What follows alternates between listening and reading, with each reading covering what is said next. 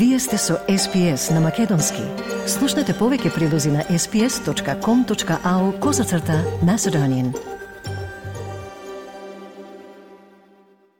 Шефот на дипломатијата Бујар Османи на средба со представниците на работната група при Советот на ЕУ, која е надлежна на земите кои преговара за пристапување и членство во ЕУ Коела, ја истакнал решеноста на владата за спроведување на домашната реформска агенда во насока на поголема подготвеност и побрз напредок при преговарачкиот процес. Министерот Османија истакна високата подготвеност на земјата за успешен и брз преговарачки процес, особено со оглед дека државата веќе долго време се усогласува со законодавството на ЕУ и има завидни 45% усогласеност со законодавството на ЕУ уште пред стартот на преговорите, како 100% усогласеност со заедничката надворешна и безбедностна политика на ЕУ? Подлече дека тоа согласено за земите со ЕУ декларациите и рестриктивните мерки се доказ дека Македонија е доверли партнер на ЕУ во ова предизвикувачко геополитичко време и нестабилно обкружување, стои во сообщението од МНР и председател на владата Димитар Ковачевски, придружуван од заменикот на председател на владата Бојан Маричич и од министерот за надворешни работи Бујар Османи, се сретна со делегациите од 27 земји членки на ЕУ во работната група на Советот на ЕУ, предводена од Јавурек Леош и придружувани од амбасадорот на ЕУ во земјава Девид Гир. Собранискиот спикер Тала Джафери на средбата со работната група на ЕУ ги потенцираше долгите преговори и консултации околу преговарачката рамка, кои резултираа со заклучоците што ги донесе Собранието. Собранието на Република Северна Македонија донесе заклучоци со што ја задолжи владата во текот на преговорите доследно да се придржува кон определбата за безусловно почитување на идентитетските, јазичните, културните и историските особености на македонскиот народ, како елементи кои нема да бидат тема на преговорите. Исто така, во заклучоците утврдивме и дека преговорите треба да се водат на равноправна и принципијална основа согласно меѓународното право. Александар Николовски од ВМРО ДПМН со подсетување дека евроинтеграцијата е цел на сите пратеници.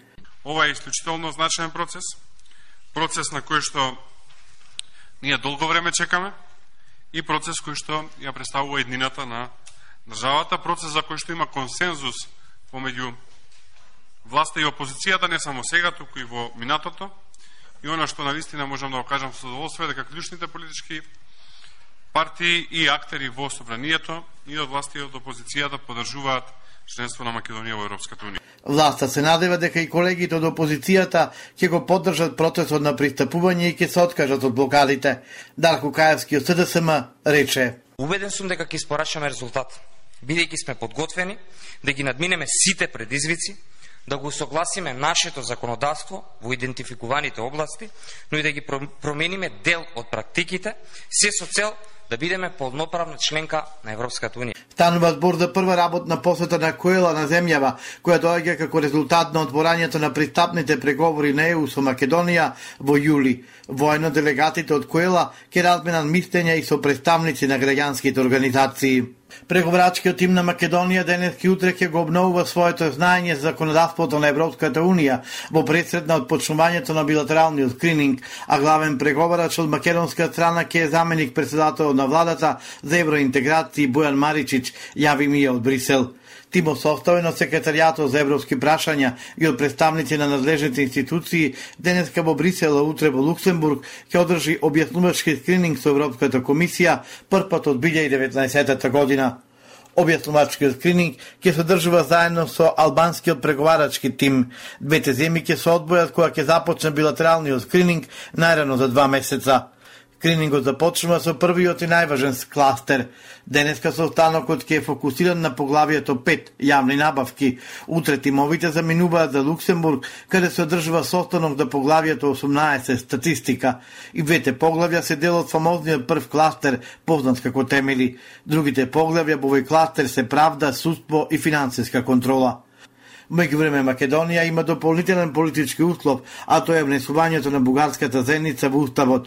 Дури потоа Скопје би можело да одржи првата меѓувладина конференција и да ги отпори преговарачките поглавја. Спикерот на парламентот Тала Джафери го приватизира собранието и уште еднаш покажа дека власта се плаши од народот и затоа измислува небулозни причини да отфрлат иницијативата за референдум, рече на прес Никола Мицевски, координатор на пратеничката група на ВМРО ДПМН.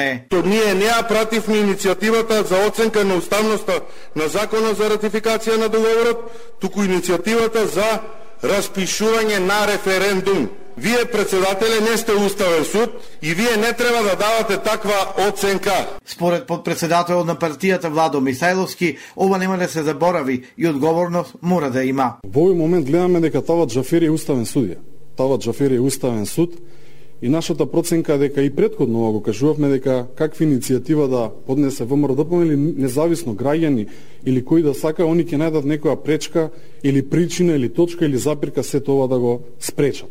И како што видовме во ова во ова соопштение што го даде Тават Джафери но органите на партијата ќе заседаваат, ќе разговараме за сите правни дилеми, ќе разговараме и за натамошни чекори, секако за секоја одлука преми вас ќе визбе. СДСМ и ДУИ се на иста линија. Иницијативата е противуставна. Ја повика опозицијата наместо обструкции и блокади да се врати на европскиот пат и да ги поддржат уставните измени.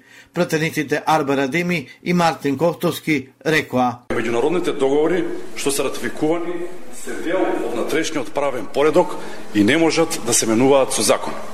Затоа што според Уставот прекинување на правно действие значи менување.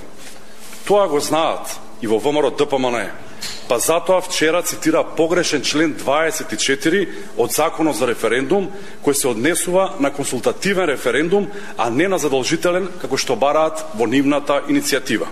Очигледно, опозицијата намерно ја има смислено и поднесено иницијативата на правно неиздржан начин за организирање на референдум, која е спротивно на Уставот и со единствена цел, за да биде одбиена и притоа да создава поделби и тензии меѓу граѓаните. Лидерот на левица пратеникот Димитар Пасиев ја повика целата опозиција да влезе во тотална блокада. Тој рече дека по последната постапка на собранискиот председател Джафери, кој самиот реши да ја цени уставноста на иницијативата на ВМРО ДПМН за референдум, нема веќе смисла да се биде во собранието. Прашањето во врска со иницијативата го става на дневен ред на првата наредна седница на собранието. А знаете зашто е ова вака? Затоа што од фрлањето на иницијатива е сериозно прашање, затоа што тоа е врховно право на граѓаните, дури и пред собранието се граѓаните, тие се врховниот суверен, од нив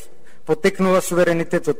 Тие одлучуваат и затоа отфрлањето како чин, деловникот го третира не како спикерско, туку како пленумско овластување. Без изјави за медиумите, со куртуазен поздрав и насмевка место одговор на прашањето дали Бугарија ќе се откаже од утврдувањето на етничкиот идентитет на Гоце Делчев, вака започна дневната посета на бугарскиот тим историчари, кои вчера во рамки за Комисијата за историски прашања ги отворија старите теми и Гоце Делчев, кои изминатите месеци беше камен на сопнување меѓу двата тима.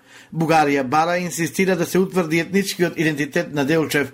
Македонија пак останува на ставот дека тоа не е работа на комисијата, туку нивна работа е само да се утврди значењето за двете земји. Македонскиот јазик ќе се изучува на педагошкиот факултет во Корча. Ова е договорено на средба меѓу Министерката за култура Бисера Костадиновска Тојчевска и ректорот Бело многу позитивен чекор за нашата земја, како еден многу позитивен чекор за Македонија и за македонците кои што живеат надвор од границите, бидејќи сметам дека токму со изучување на македонскиот јазик на сите оние кои што живеат и надвор од границите, се продолжуваме да ја негуваме и историјата, и културата, и традицијата. И ова можам, морам само да напоменам дека треба да ни биде многу добар светол пример како понатаму ние треба да ја градиме нашата мрежа надвор од границите, а морам да ви кажам дека преку Советот за македонски јазик при Институтот за македонски јазик ова е еден од првите чекори кои што планираме да ги превземеме во однос на позитивна афирмација на македонскиот јазик и македонската култура надвор од границите на Република Македонија. Ваквата најава следи во турбулентниот период кога македонците во Албанија се жалат дека Бугарија прави притисок македонското малцинство да го запише како бугарско. Тој вели дека грижата за идентитетските особености со акцент на јазикот и културните вредности се нашите врвни приоритети. Сакате ли да чуете повеќе прилози како овој? Слушате подкаст преку Apple Podcasts, Google Podcasts, Spotify или од каде и да ги добивате вашите подкасти.